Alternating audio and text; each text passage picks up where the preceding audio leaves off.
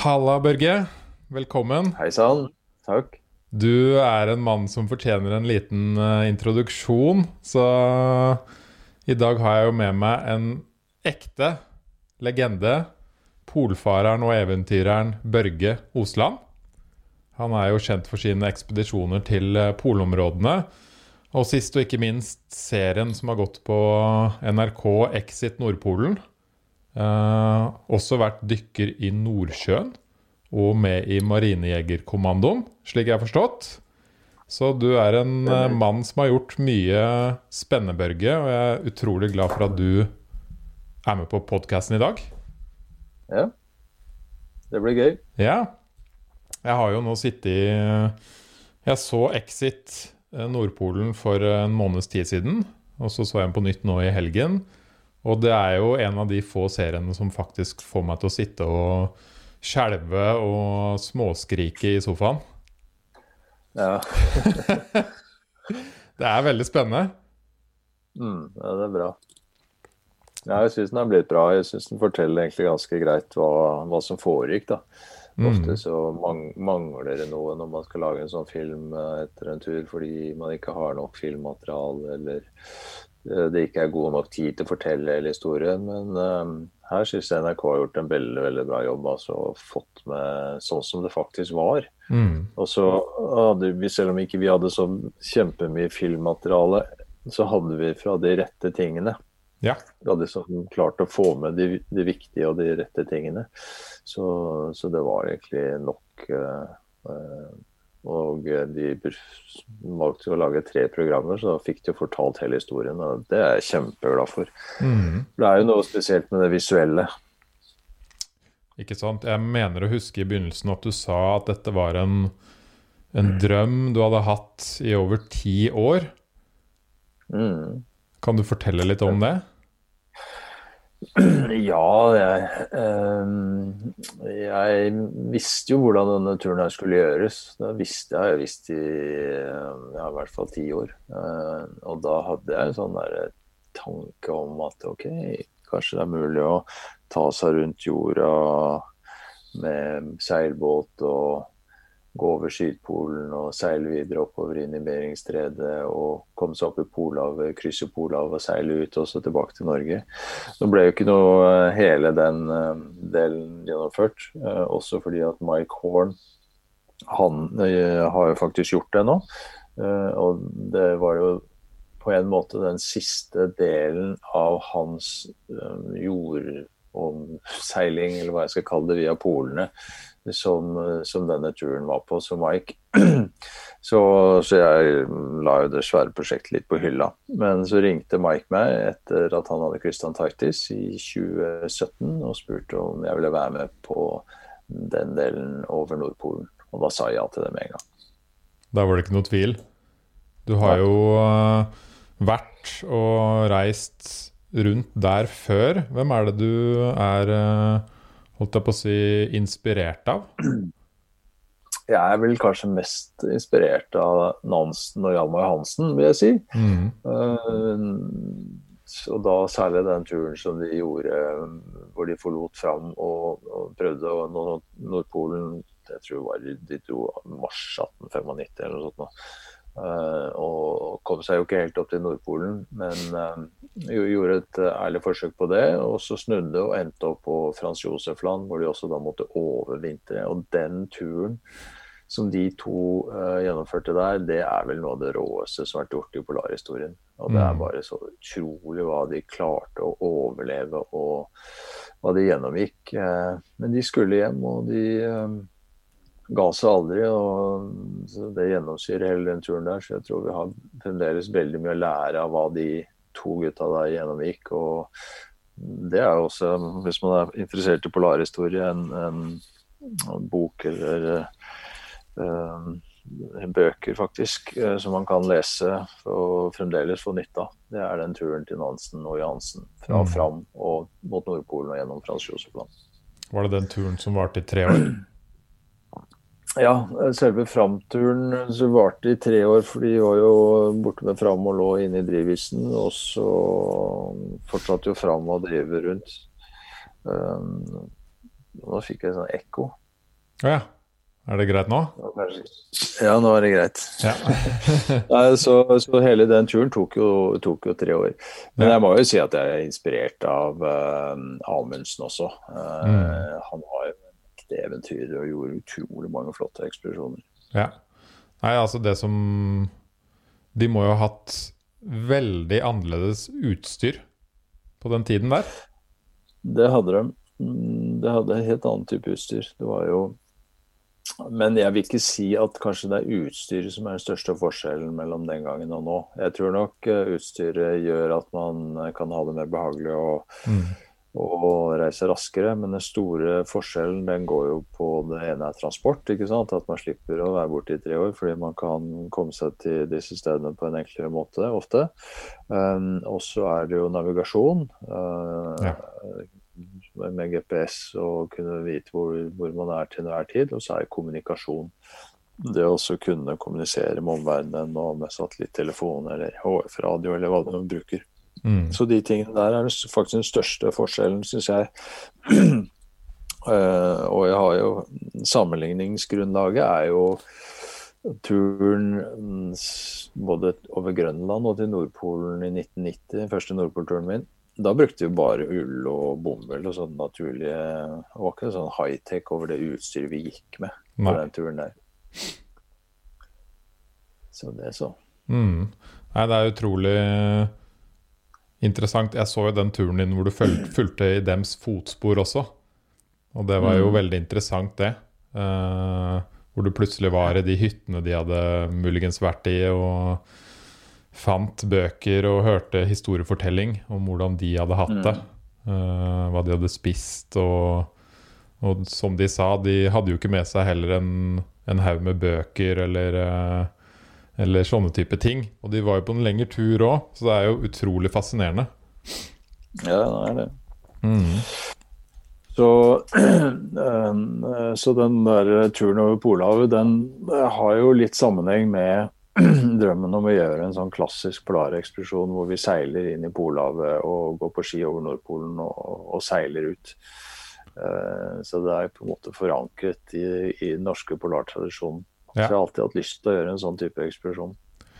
Og du starta da turen med en, et, en seiling på Hvor langt var det? Eh, Det var jo to uker ca. Fra Naomi, Alaska så oppover og innover i Polhavet og prøve å eh, banke oss gjennom isen så langt nord som det gikk, og til der vi følte at vi eh, ikke kom lenger, og starte derfra. Så vi starta vel fra Naomi, Alaska 28. august, og så fra iskanten 12. september. Så ja, Mm. to uker. To uker seilinga. Og bare det virka jo ikke lett. Altså, bare denne Nei, det, episoden den turen opp dit, eh, det var helt utrolig, og, rett og slett. Og det var kanskje den eneste gangen jeg angra på at jeg ble med på dette her. Ja. er på den ferden opp der, fordi da hadde jeg ikke noe kontroll i det hele tatt. Og uh, vi var jo tett i is, og det så, det så helt håpløst ut. Men der gjorde jo Mike og han Bernhard Stam, som var skipper, om bord i båten, en utrolig jobb, altså, som klarte å pushe den båten helt opp dit. Og eh, det var jo en stor risk å ta, for det var jo en sjanse for at den båten ikke ville klare å komme ut igjen. Men Mm. Han, Bernhard Stam, som var skipper, da, han hadde liksom bare ett oppdrag, og det var å få Mike og meg opp til 85 grader nord. Han dret i fullstendig i om han kom ut derfra eller ikke. Og det var bare utrolig å se sånn dedikasjon sånn som det der, altså på det nivået der. Mm. Så det gjorde at vi fikk en veldig god start. Vi kom jo, kom jo opp til dit vi ønsket å komme til. Eh, og ellers så hadde jo ikke den turen vært eh, gjennomført på den måten som vi klarte det nå, i hvert fall. Mm. Det hadde ikke gått like bra. Hvor mye forskjell er det på hvis du bommer på et par grader, da? Altså er det en uh... Det er jo 200 km, det. Så det Ja. er jo Du kan tenke deg, det går jo ikke mer enn kanskje halvannen mil i, i døgnet. Så, så det er jo et par uker.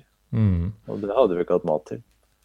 Hvordan er det hvis jeg, jeg har lyst til å høre, hvordan er det dere forberedte dere til en sånn type tur? Altså trening og pakking og den pakka der. Hvordan planlegger man og kommer i form til en sånn tur? Ja, det, det å komme i form til en sånn tur, det er det lett, den lette delen av jobben, egentlig. Ja, hva det gjorde handler bare om å trene og, og sånne ting. Og så, har jo, så går jo faktisk mye også på at um, når man har gjort en del sånne ekspedisjoner, så sitter det en del i kroppen. altså Kroppen er på en måte vant til å huske det den har gjort før. Mm. Men den treningen som jeg har holdt mest på med, det var jo også å gå med sånne gummidekk etter meg opp i skauen. Ja. og. Trekke, trekke de bildekkene etter meg. Og med en sekk på ryggen i tillegg, for da får du bygd akkurat samme type muskulatur som du trenger for å trekke en pulk. Mm. Det er utrolig effektiv trening. Mm. Men den viktigste delen av forberedelsen, det er jo alt det andre. ikke sant? Med utstyr og mat og hva, og hva skal du egentlig ha med deg. Så det er jo der, det er der man forbereder for suksess altså på en sånn type ekspedisjon. Og det handler veldig mye om å prøve å forstå hva de store problemene er. Eh, Og eh, da eier du på en måte også løsningen, fordi det er alltid mulig å finne en løsning. Og så er det selvfølgelig opp til meg å være flink nok til å finne den beste, beste løsningen. Da. Mm. Så jeg bruker jo Så jeg forberedte denne eh, ekspedisjonen fra 2017, eh, faktisk, i to år. Ja. eh, Før vi endelig var av, av, av gårde. Så det, Wow. det, og det har litt med også med at det er drivis, og det er mørkt, og det er kaldt, og det er mye som skal klaffe. Og, og så kan du ikke ha med for mye, for da blir det for tungt. Så må du liksom finne den balansegangen der. Eh, og så er det ho hodelykter og batterier, og det er veldig veldig mye sånne smådetaljer da, som skal uh, klaffe på dette her. Mm. Men der hadde jo Mike og jeg gjort en tur i 2006, uh, så- hvor vi gikk til Nordpolen vinterstid sammen. Så vi kjente jo hverandre veldig godt fra før av. Og den turen der gjorde at vi fikk erfaring nok til å, å gjennomføre eh, krysningen av Polhavet. For der lærte vi skruisen i mørket, vi lærte der, eh, hvordan vi håndterer den intense kulda.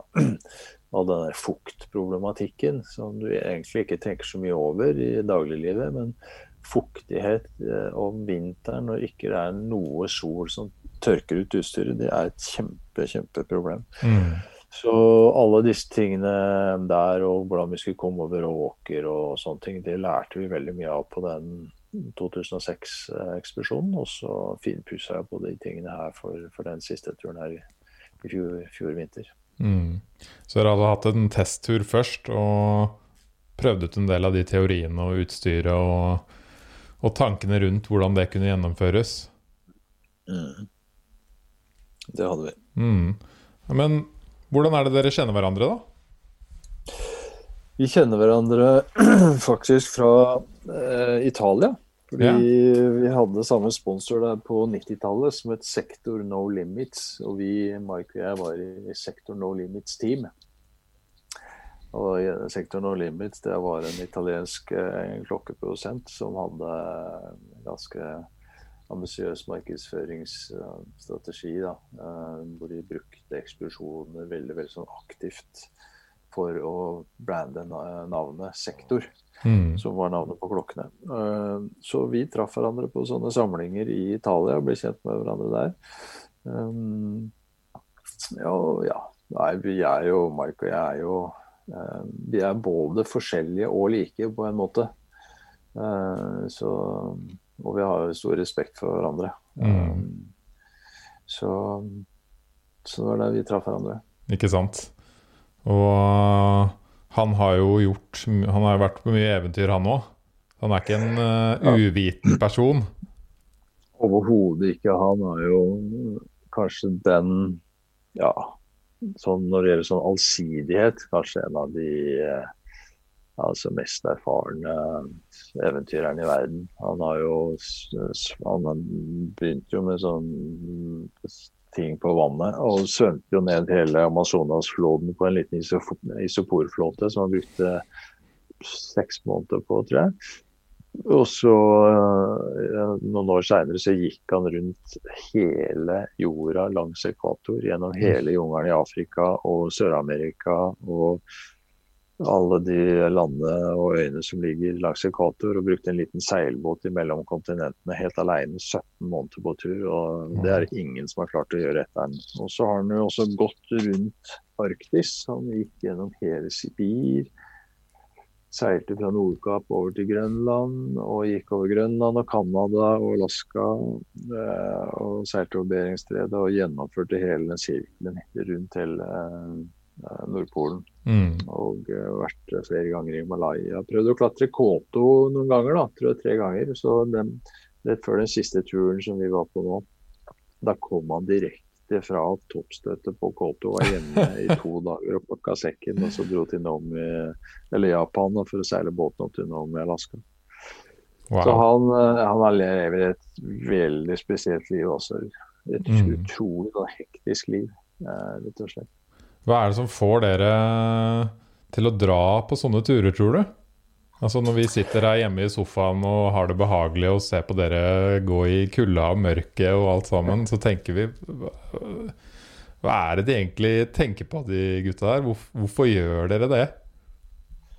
Du, det enkle svaret på det er jo nettopp de der store opplevelsene. Det er ja. de som uh, gjør at det er verdt det, egentlig. Mm. De store opplevelsene som du sitter igjen med fra sånne type turer hvor du er helt liksom på yt ytterkanten av livet. Um, og ser ned i uh, avgrunnen av og til. Og det å være der ute, altså, det er bare så utrolig intens. Jeg tror kanskje når vi sitter på gamlehjem og tenker tilbake, så er jo de store opplevelsene sånn Minnene på en måte flagrer innom, tror jeg.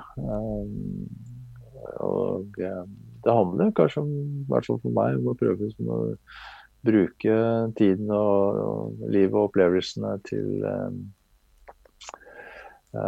til disse store, gjennomgripende ekspedisjonene. Mm. Utrolig spennende. Og dere ble satt av den seilbåten, og så begynte dere å gå på ski. Og da var det vel fortsatt lys i, uh, i noen uker eller måneds tid, var det ikke det?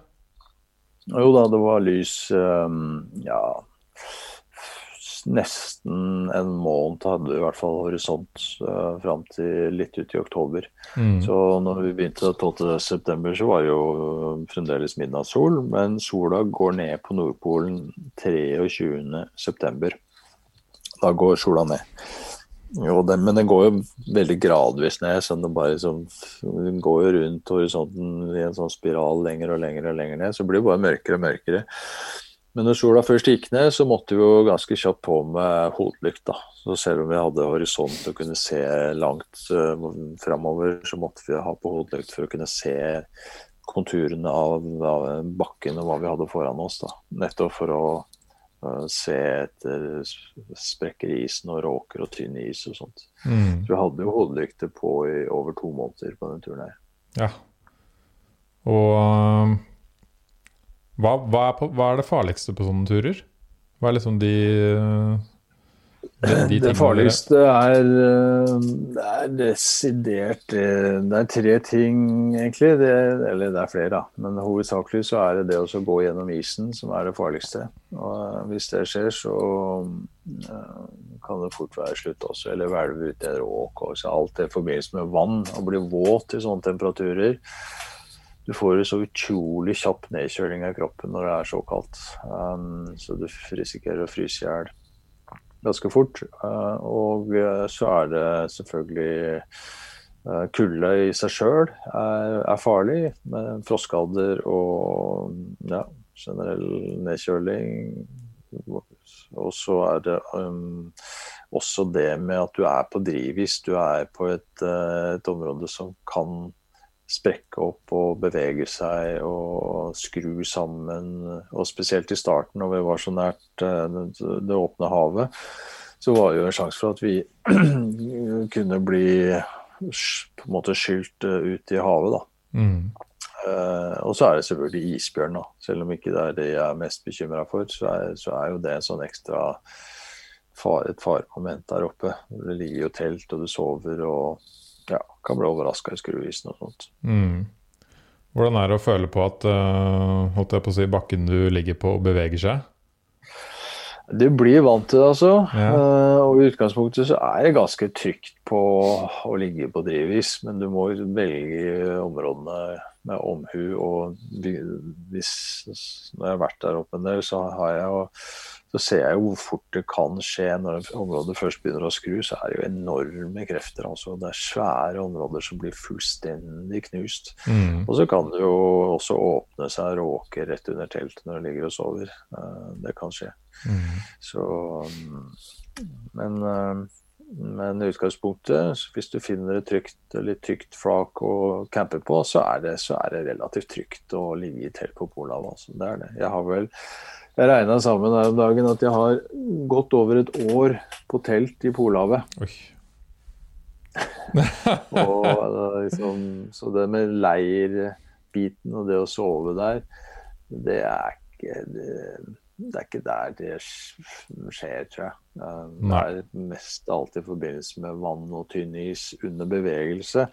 Det er da du utsetter deg for mest fare når du er ute og går. fordi da må du over et visst antall råker og på tynn is i løpet av en dag. For sånn er Polhavet. Det er kontinuerlig endring hele tiden. Det er jo bare en sånn tynn isskorpe, så er det faktisk eh, flere tusen meter dypt hav under det. Er, på mm. Nordpolen er det 4000 meter dypt hav. Og den iskorpen er jo hele tiden i bevegelse med i vind og strøm, og hovedsakelig vind, faktisk, som, gjør, som dytter på isen. Som gjør at den begynner å drive.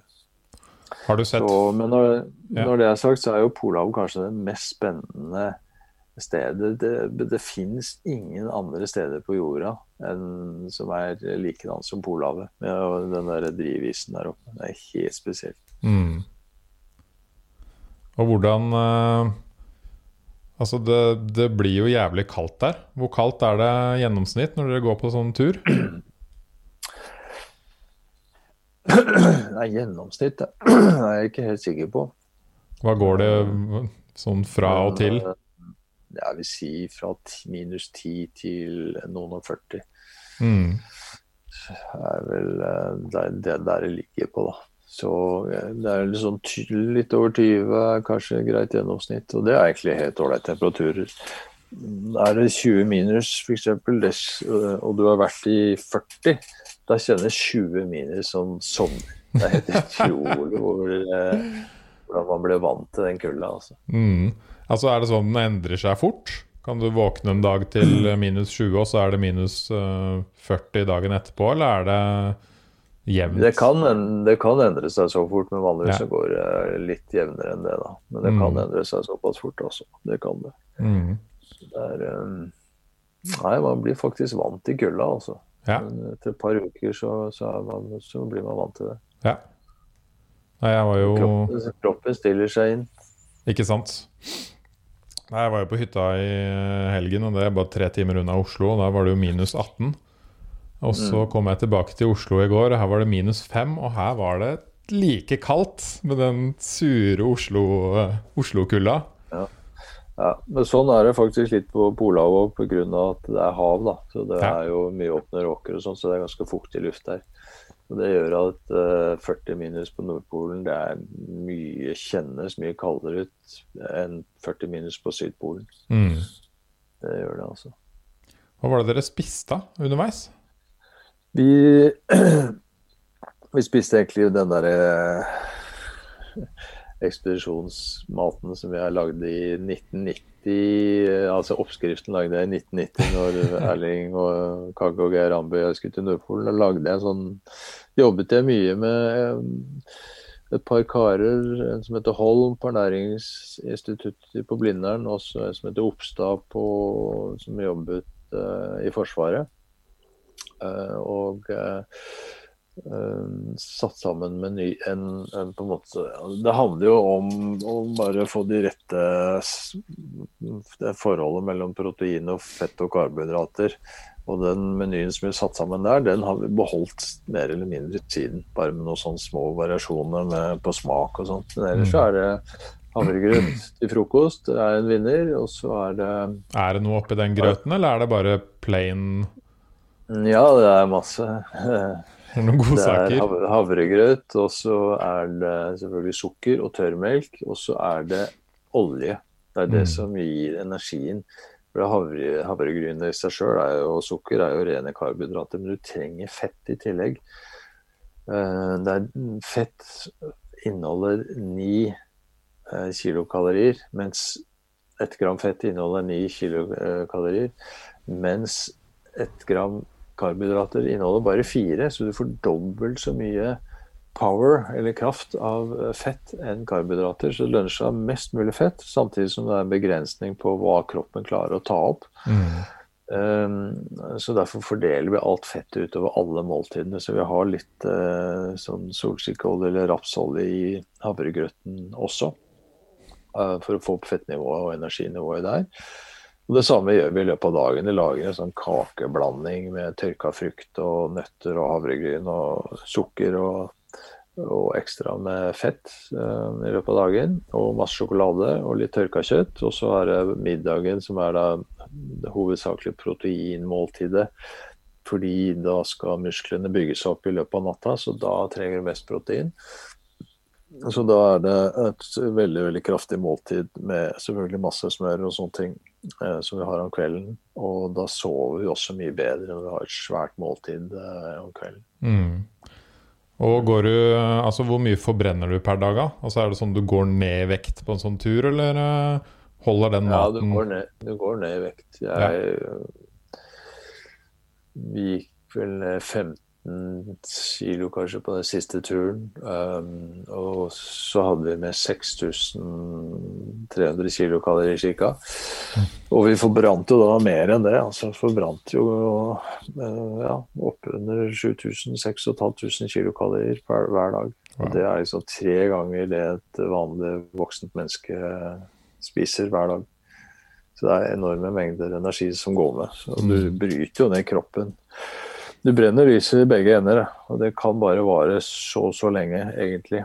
mm. Altså Det er liksom helt på grensen. eh, Det hadde ikke gått så mye mer, for å si det sånn. Nei. Hvordan går det på do der borte? Når du er på Det er veldig enkelt, men eh, va- vanligvis så gjør vi jo det bare utendørs eh, utenfor teltet. Men Ja. når det ble så kaldt som det ble på slutten, så hadde jo Mike og jeg hver vår inngang, så da kunne vi sitte i inngangspartiet og gå på do der før vi gikk ut. Og det sparte jo fingrene, og du fikk litt sånn lev fra vinden. Så det var en ganske grei måte å gjøre det på. mm. Og hva med Tar dere vitaminer og sånn i tillegg, eller får dere alltid den maten dere spiser?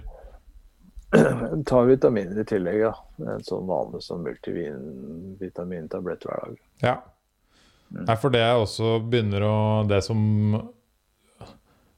det, det villeste som skjedde i den serien, var jo når det begynte å bli helt mørkt og sinnssykt kaldt. Det var sånn Er det mulig? Altså, dere toppa det mer og mer og mer på vanskelighetsskalaen. Og jeg satt der og ble mer og mer wow. Hvordan var det å gå rundt der i mørket og vite at uh, bakken under dere bevegde seg, og man kunne falle gjennom isen og Ja, det er ganske spesiell opplevelse. Det mørket det blir så utrolig sånn monotont, fordi det er så få impulser utenifra. Så, noe av det jeg husker best egentlig fra den perioden der, er jo mm, gråfarven, fordi lyset blander seg jo med mørket, og så blir det, blir det grått, rett og slett. Mm. Det- så, så, hvis du ser rett ned på snøen, så ser den hvit ut, men hvis du lyser litt lenger bort, så begynner alt å bli sånn grått. Så alt var sånn utrolig sånn grått og, og monotont. Og, um, og så Samtidig så måtte vi jo passe oss hele tida, fordi det var jo farer som lurte. Og, og vi hadde jo nesten ulykker omtrent hver eneste dag på tynn is og råker osv.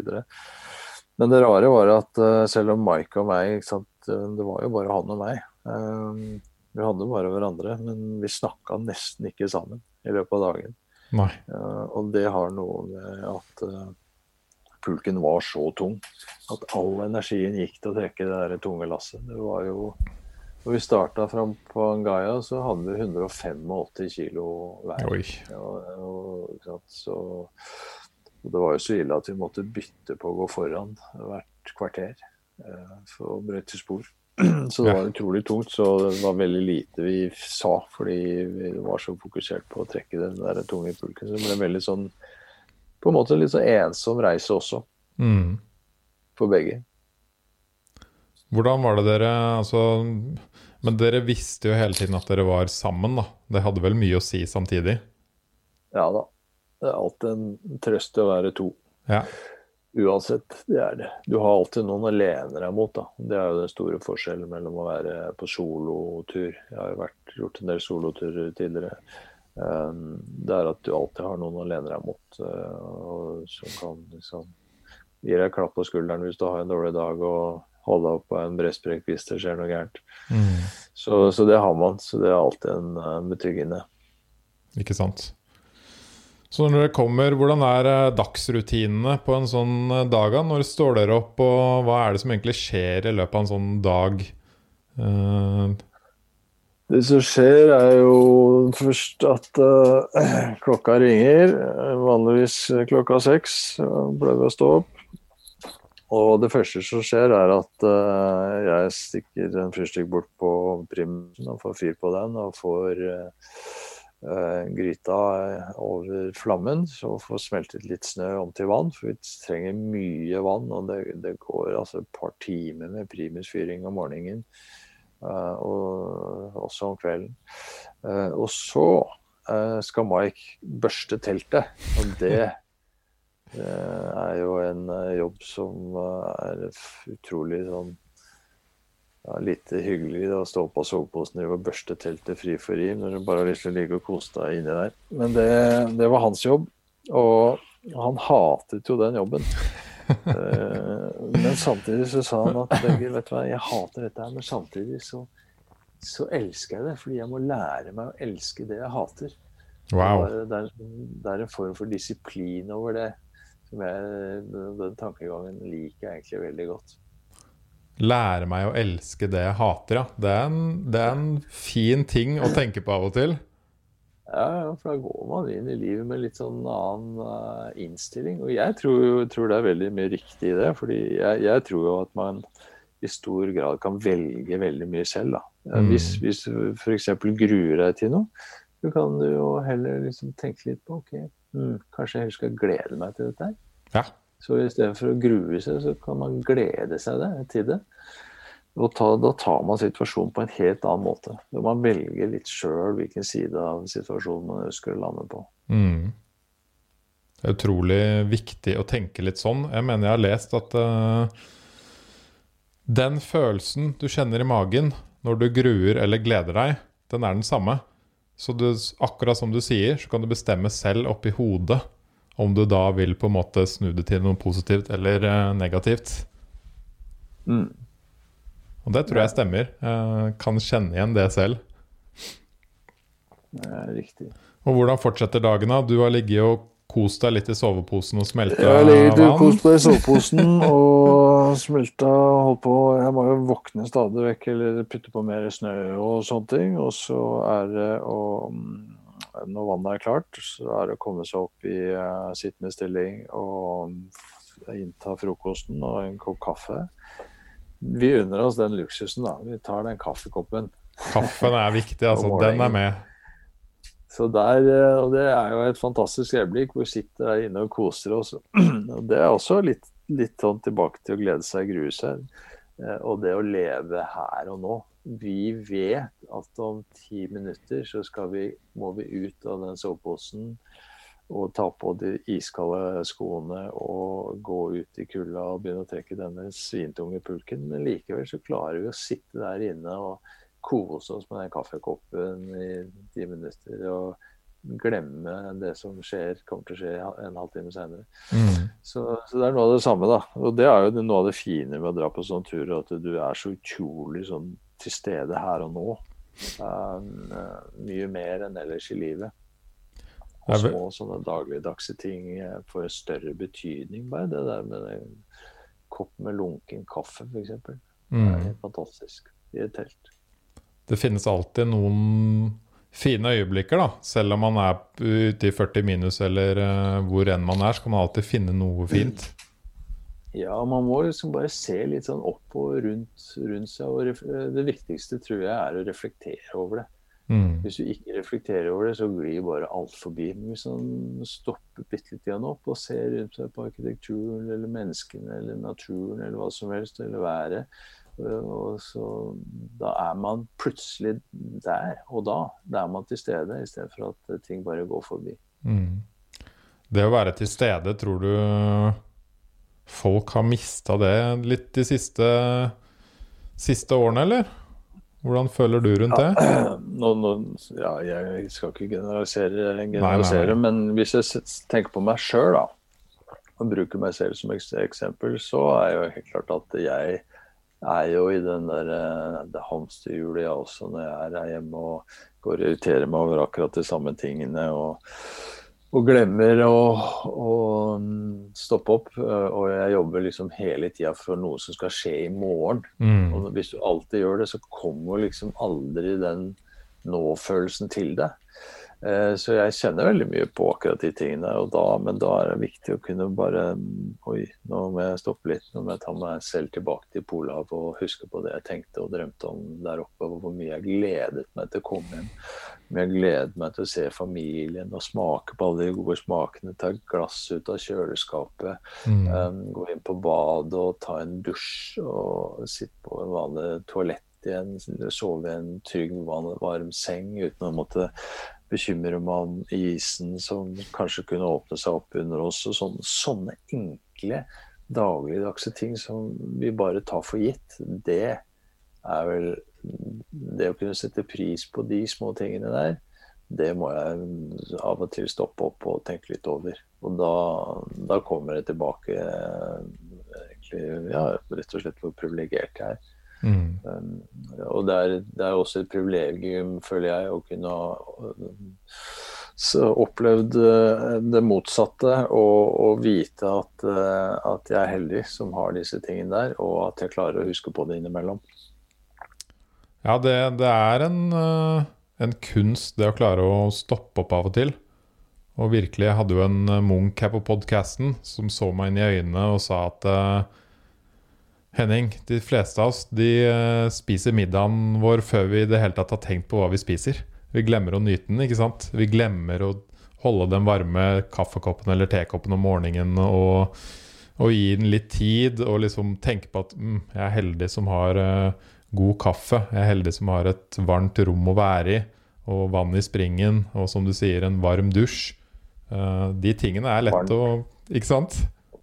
Varmtvannsberederen er jo verdens største oppfinnelse. Ja. det, vet du alt om. Tenke, tenke på Hvis varmtvannet plutselig skulle stoppe opp, da er det mange som ville fått problemer. Mm. Ok, så tilbake til uh, dagen, da. Dere har uh, dere har Da eh, begynner det helvete, rett og slett. Ja. Og da skal vi ut av den der eh, dampsperreposen vår. Og det er rett og slett en svær plastpose som vi har ligget og sovet i hele den natta. Og grunnen til at vi sover i eh, en plastpose, det er at hvis ikke så ville hele soveposen ha blitt ødelagt i løpet av et par uker av fuktighet. Fordi vi må stoppe fuktigheten fra kroppen og klærne våre til å fordampe ut i sovepåsematerialet. Mm. Så derfor sover vi inn i en plastsekk, eh, og det eh, høres jo sikkert litt sånn rart ut, og, og, det er veldig rart. Og, og det er eh, litt ubehagelig i starten. Men det som er det verste med det, det er når du skal ut av den plastposen, for da er jo hele kroppen fuktig. Hva er det du har på deg inni, inni plastposen, holdt jeg på å si? Jeg sover i det undertøyet jeg står og går i, og så sover jeg også i um, den samme buksa ja. uh, som jeg går i. Og grunnen til at jeg sover i bukse, altså Gore-Tex-buksa mi, det er, uh, det er uh, at jeg må være klar hvis noe skulle skje ute. Ja. Da, det tar for lang tid å få på seg bukse og sko. Mm. hvis det kommer en isbjørn eller isen sprekker opp. Så derfor må jeg ha buksa på. Og så har jeg et uh, så har jeg sånne bivakssko, og så er det egentlig bare å ta på seg dunjakke og vottene, så er du klar. Det tar bare noen sekunder å komme seg ut av soveposen. Men ikke uh, hvis du må ta på buksa først. Du kan ikke stå ute og fikse ting i undertøyet i uh, stiv kuling. Nei. Det går ikke. Så derfor så har vi bukser. Um, og så skal vi ut av det teltet og få på anorakken og skoene og alt det må gjøres uten votter på. og så er det å komme seg ut og få alt utstyret ut av teltet. Og så er det å vrenge den der plastposen og Den må vrenges fordi at fuktigheten Når vi tar den ut, så fryser jo fuktigheten til is inni der. Mm. Så bare vrenger vi den og børster vi den og vrenger den tilbake og putter den inn i soppposen igjen. Så det er morgenrutinen. Og så er det bare å pakke alt sammen i pulken. Og så er det å si til Mike at ja, Mike, jeg håper du får en god dag. Og så begynner vi å gå. Ja, for det Hvor lang tid tar det å pakke og ordne før du er liksom oppe på skia og klar for å tusle? Ja, fra vi står opp, så tar det mellom to og en halv og tre timer. Ja. Og så går dere ca. hvor lenge? Um, I snitt så gikk vel uh, ni, ni, timer. Ni timer i snitt, uh, tenker jeg, på denne turen her. Mm. Uh, og det er inkludert pauser, da. Så da går vi som regel en time, og så har vi 10-12 minutter pause. Og da spiser vi, drikker litt, og så fortsetter, fortsetter vi videre. Så bare sånn kort, wow. korte pauser. Hva slags andre fordi i, selvfølgelig i NRK-serien så var det jo veldig veldig spennende hvor mye av det sånn spennende og tunge som ble vist. Men hva slags gode øyeblikk var det du husker som man på en måte ikke fikk se? Utenom kaffekoppen, da, selvfølgelig, om morgenen.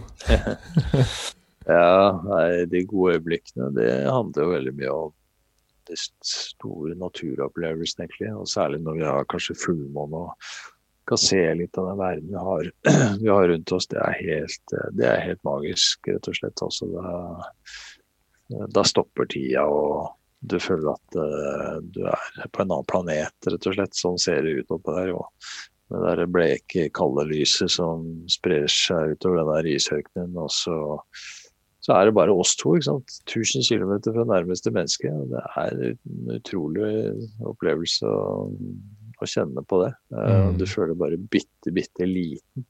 Og, og det syns jeg er en god følelse, og det å føle seg liten. Fordi du da skjønner at wow, her er det noe som er større enn oss, det er naturen. Mm. Og du får en helt egen dialog med både naturen og verdensrommet og deg sjøl når du er satt i en sånn situasjon som det. Så det er kanskje de store Eh, øyeblikkene som handler om naturopplevelser, rett og slett. Og så, ja, et, et, øyeblikk som, eh, som, jeg husker godt, var jo også helt mot slutten av bare kanskje et par dager før vi kom i mål, før Mike hadde ramlet i den der råka. Så, så, så, var det nordlys, og så stoppet vi opp, og så skrudde vi av hodelyktene. Så sto vi bare helt stille i to minutter. Og det var, det var en ganske sterk opplevelse. Jeg tipper nordlyset der oppe er ganske heftig? Ikke så mye som du skulle tro, rett og slett, fordi det er for langt nord. for det der nordlysbeltet, det går egentlig lenger sør. Det går Stemmer jo sånn over uh, Lofoten, altså Nord-Norge, Finnmark, Nordland. Mm. Der, og et belte rundt norda, eh, jorda, uh, over Grønland og Canada og Alaska. Som en sånn ring rundt jorda går det nordlysbeltet. Så nord for det, f.eks. på Svalbard og lenger nord, så er det mindre nordlys enn det er i Nord-Norge. Mm. Hva med stjernehimmelen, da? Stjernehimmelen er fantastisk, ja. og den er jo en sann venn. Eh, og han godeste Fridtjof Nansen eh, Jeg tror det var han som skrev et, det var som et slags dikt, eller bare en sånn refleksjon, men eh, hvor at den stjernehimmelen er den, liksom den eneste sanne, sanne venn i livet. Den minner deg om at alle dine bekymringer bare er forbigående små, småting. Mm. Um, så stjernehimmelen var med oss hele tida, og vi gikk jo ofte på stjernene når vi navigerte i løpet av dagen. Da brukte vi ofte stjernene til å å holde kursen. Fordi eh, de, de, beveger seg selvfølgelig helt annerledes enn sola og måner og sånt. Månen. Mm. Men uh, vi lærte oss til hvilke stjerner som på en måte hadde en, ja, en bevegelse og en endring som vi kunne reflektere eller relatere til. Da. Så det brukte vi ofte. Wow. Og du ser stjernene hele tiden da, når du tusler der? Så å si? Ja, ja dag og natt så ja. lenge det ikke overskya. Nei, det er helt vilt. Den turen deres er virkelig uh, noe helt annerledes og utrolig fascinerende å, å se på. Hva slags altså, Litt tilbake til når han falt uh, i isen, han, uh, han, Mike. Det var jo ganske mot slutten. Mm, det var jo bare ja, den nest siste dagen eller noe sånt nå. Ja. Og vi skulle jo møte Bengt og Alexander, de var jo bare rett borti der. Det var jo helt utrolig at alt det skjedde på en gang. Ja. Så, så, det vi hadde vel et, en natt i teltet etter at det skjedde, og så kom vi om bord i båten etterpå. Mm. Så det var helt på slutten. Dag 85 eller noe. 85 eller 86. Hva skjer når du hva, Hvordan opplevde han eh, Mike det? Hva skjer når du faller i isen, og hvor lang tid har du egentlig på deg før du eh, Nei, du har jo Det spørs hva du mener med lang tid. Ikke, du kan godt ligge i isvannet et kvarter og men det som er problemet, er jo at du, du blir jo så nedkjølt, og du mister kreftene i muskulaturen. Ja. Så du har jo veldig lite å gå på sånn tidsmessig med tanke på det å komme deg opp igjen. Mm. Uh, så Men hva som foregikk inni huet på han Jeg tror han syntes det Jeg tror han ble litt flau, rett og slett, på en ja. måte. Uh, at det skjedde. Uh, han spaserte jo bare rett ut på den der råka. Mm. Så men han ble, som han også sa, han ble distrahert, da. Og, og det uh, handler jo om uh, at det lyset til Bengt Alexander var jo bare rett der framme. Og vi, vi, visste jo at det var råk der, men vi trodde at den råkanten den var kanskje 100 meter lenger bort. Så vi så jo ikke at den råkanten var der, fordi det hadde jo føyka over med snø og sånne ting, så det var jo ganske sånn usynlig. Men uh, men uh, ikke umulig å se. Det var den ikke. Nei. Det er typisk det. Når, eh, når dere har klart dere så bra hele veien, så er det helt på slutten Slapper av bare bitte lite grann på ja. slutten. Og liksom, 'Å, se der er gutta, nå er vi snart framme', og sånt. Og så skjer det. For da, da, følger man ikke med. Da mister man fokus. Og det er riktig det han sier, han Mike, at han ble distrahert. Mm. Og vi var jo distra ble jo distrahert. Ikke sant. Hvordan var det når dere møtte de gutta? Nei, det var en helt utrolig opplevelse, rett og slett. Det var, var veldig rart. Helt merkelig. Mm. Og etter hvert uh, gjennom så mye tvil og slit uh, og vanskeligheter som vi var på den turen, og så endelig møte folk igjen. Var liksom, det, var, det var som å komme på, på en annen side av en, et gjerde, egentlig. Ja. Uh, Eh, så selv om vi visste at ok, det kan jo skje mye fremdeles, så vi var ikke om bord i båten ennå. Men uh, da følte jeg at uh, da, da, var vi på en måte egentlig i mål når vi traff de to. Så, og jeg veit jo hva de Bengt og Alexander gikk gjennom, og de satsa ganske mye sjøl. De gikk jo ut fra den der båten i mørket for å komme oss i møte og hjelpe oss. Og det var, jeg synes jeg var utrolig flott gjort at de at de gjorde det, og at de eh, ja, brukte så mye tid og energi på å prøve å, at vi skulle lykkes. Mm. Ja, det så ut som et veldig sterkt øyeblikk, og det var jo en veldig fin, fint å se på også. Mm. Jeg så jo hvordan dere hadde jobba og slitt og stått på og ikke gitt opp og fortsatt og fortsatt. Og så til slutt kom dere og møtte de gutta, og da så jeg liksom ansiktene deres forandra seg. ja, det var helt spesielt. Mm. Det var noe av det sterkeste jeg har opplevd. Ja. Men psyken må jo ha veldig mye å si da, på en sånn type tur. Hvordan holder du psyken på topp? Altså, du må jo få Tanken med å gi opp eller tanken med å stoppe, eller sånn, den må jo ha kommet og gått. Hvordan er det du holder psyken oppe? Ja Jeg har faktisk ikke sånn kjempemye problemer med å holde psyken oppe, oppe altså. Når jeg først har bestemt meg for noe, så, så går jeg ofte for det. Um, og det jo, er jo veldig nøye sammenheng med at jeg har jo um, troa, da. Mm. Trodde jo at vi skulle klare dette her. Slapp, ja. Den troa slapp egentlig aldri taket. så jeg trodde at vi skulle klare det her. Så da var jeg også villig til å ta både den risken og alt det som hører med. Så underveis så er det klart at det er mange vanskeligheter som du må gjennom, og det er mye som kan gå gærent og sånne ting, men jeg kan slappe aldri opp for tro. Det gjorde jeg ikke. Så, så, det, og det har nok mye med hvordan jeg også da klarte å holde psyken, eller motivasjonen, oppe underveis. da. Hvordan motiverer du deg selv når du står opp om morgenen og du veit det er minus 40 og mørkt og Ja, nei, jeg ser på det litt som en sånn jobb som skal gjøres, jeg. Ja. Jeg skal på en måte litt på, litt på jobb og løse en oppgave. Eh, og ja. da er det egentlig bare alle de andre Det som skjer, det er litt sånn heft, bry og heft og sånne ting. Men, eh, men eh, jeg ser ikke på det som noe sånn uoverkommelige, overstigelige greier. Selv om det er 40 minus og kaldt og alt det der. Mm. Uh, nettopp fordi jeg ja, bruker god tid på å ta den beslutningen om å dra, da. Det, ja. er, det er ganske viktig. Jeg bruker god tid på det på forhånd. Og det gjør jeg jo i et varmt og trygt miljø, sånn at jeg har fullstendig oversikt over alle forholdene og alle de tingene jeg kan påvirke og tenke meg til, de ligger foran meg. Og, og, da, når jeg tar den beslutningen om å dra, så er den ganske vel, veloverveid.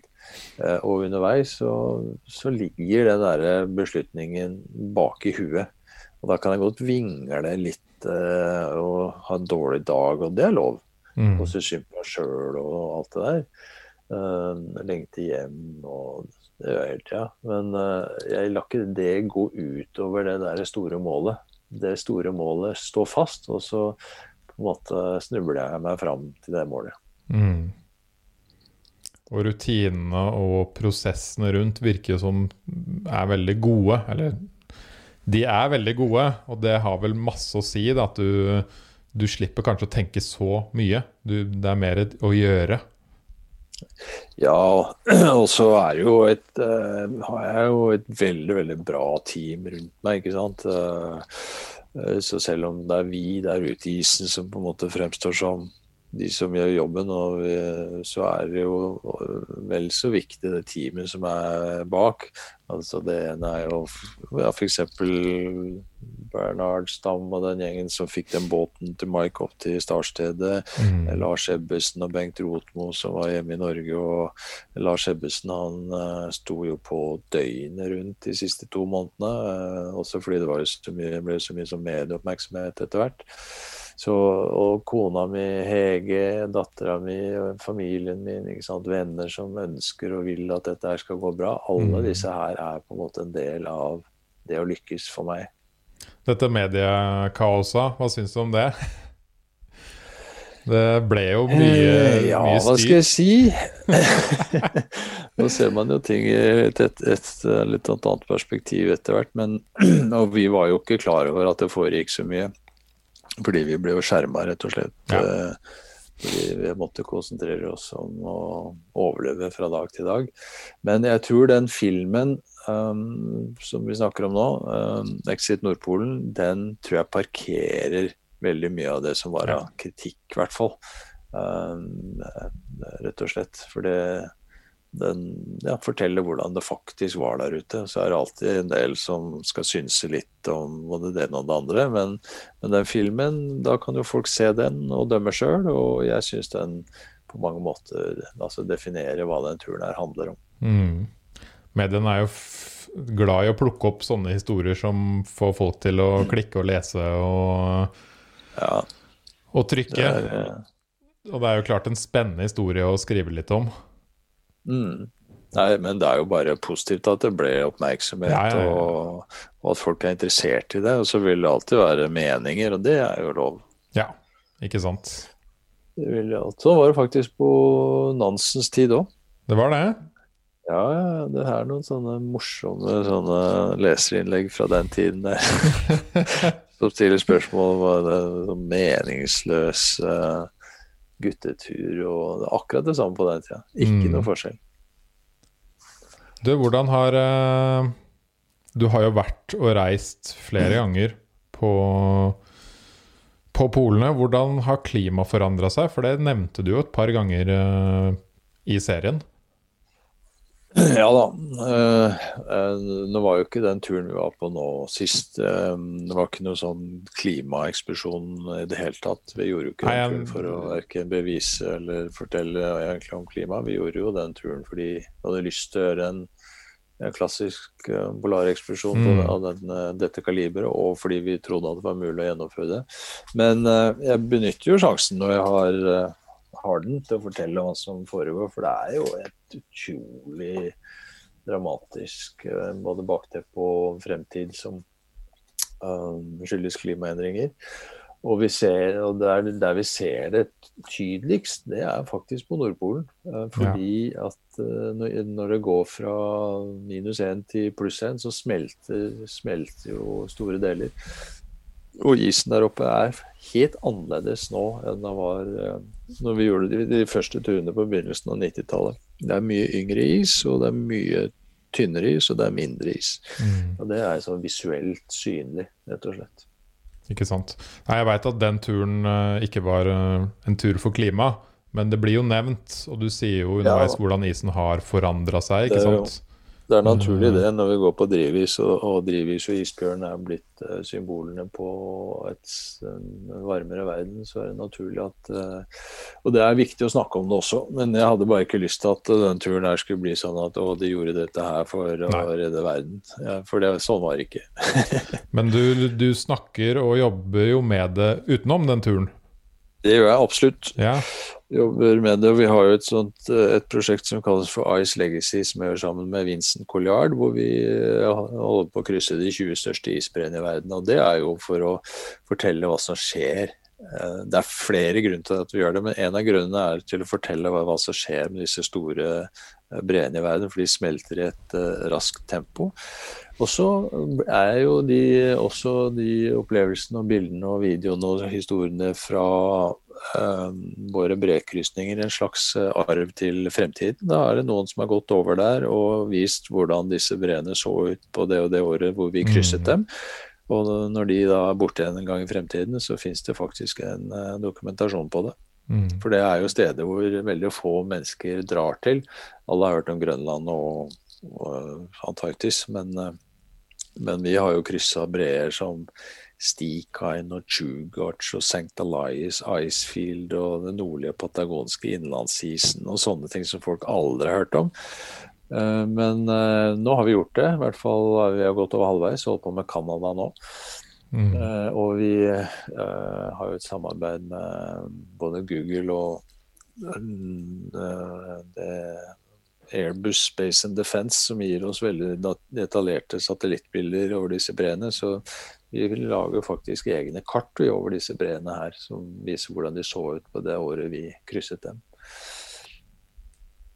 Det er utrolig bra arbeid. Det er viktig å få ut, som du sier, dele, dele denne informasjonen. Og du er jo en, ja. en, mann folk følger. Og det er jo da veldig bra å få se disse bildene og få se, få se hva som skjer, faktisk. Jeg tror ikke folk helt har tatt det inn over seg eh, hva som er i ferd med å skje. Um, men alle skjønner at en bre som smelter til syvende og sist, vil renne ut i havet og føre til havnivåstigning. Mm. Så det er ikke bare da temperaturen på jorda gjør at uh, ting endrer seg og deler av deler av, av jorda blir nærmest ubeboelig. Men hvis havet stiger to, tre eller fire meter, det kommer til å ha en effekt på alle som bor langs kysten i hele verden, rett og slett. Så mm. det er ganske dramatisk, det som foregår der oppe nå. Mm. Tror du vi klarer å reversere da?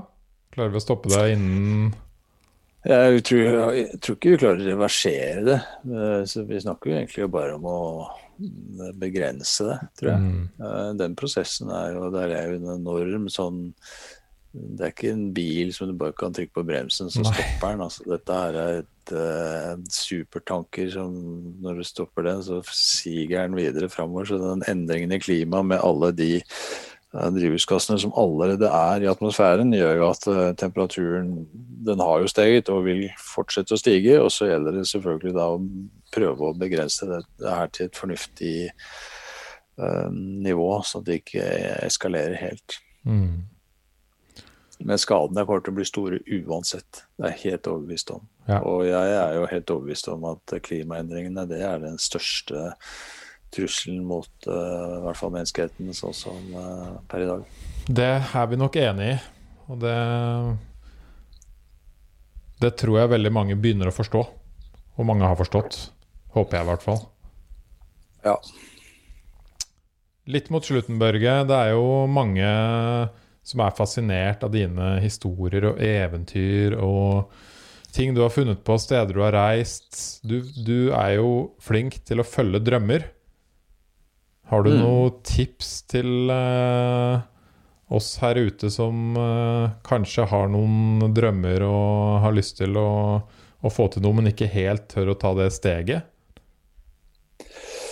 Ja, der sa du jo faktisk det viktigste, egentlig. Eh, det er jo nettopp det å tørre å ta det steget. Mm. Eh, jeg, hvis jeg tenker tilbake på de tingene som jeg har gjort selv, da, så, så er, jo, er, jo, nettopp det at jeg av og til uh, har turt å ta noen store steg. Det er jo det som har på mange måter blitt definerende for meg. da.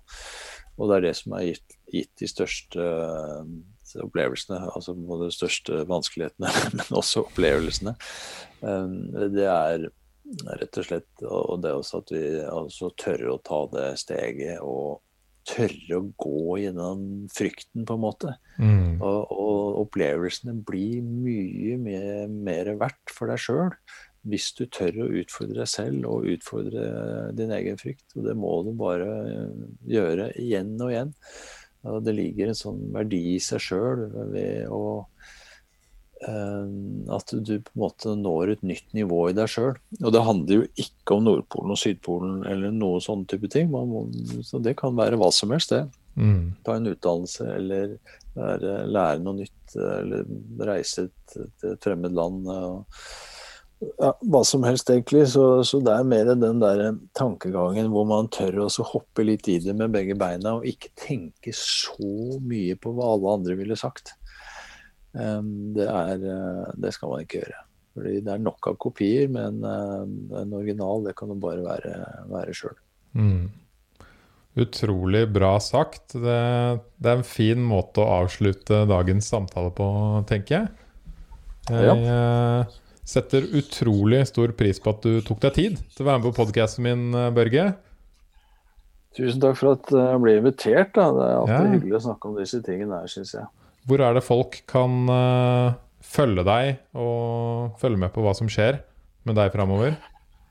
Du, det er vel kanskje på Instagram hvor jeg legger ut uh, mest, og kanskje også de sånn mest visuelle tingene. Jeg liker jo sånn visuelle tilnærminger til uh, verden. Uh, så jeg legger ut veldig mye bilder der, og av og til noen videosnutter og sånt på, på, Instagram. Så der kan man følge litt med på hva jeg holder på med. Mm, så bra. Da er det bare å søke opp Børge Osland på mm. Instagram eller Google. Også hvis du ikke har sett Exit Nordpolen, så er det bare å få gjort det med en gang. Det er en helt sinnssyk, fantastisk opplevelse. Bare se den. Uh, så tusen takk for at du både tok den turen uh, og lagde den serien, og deler disse helt utrolige reisene med oss, Børge. Mm. Takk skal du ha. Så får du ha en fin dag og fine turer videre. Takk i like måte. Ok. Ha det godt. Ha det godt, da. Ha det.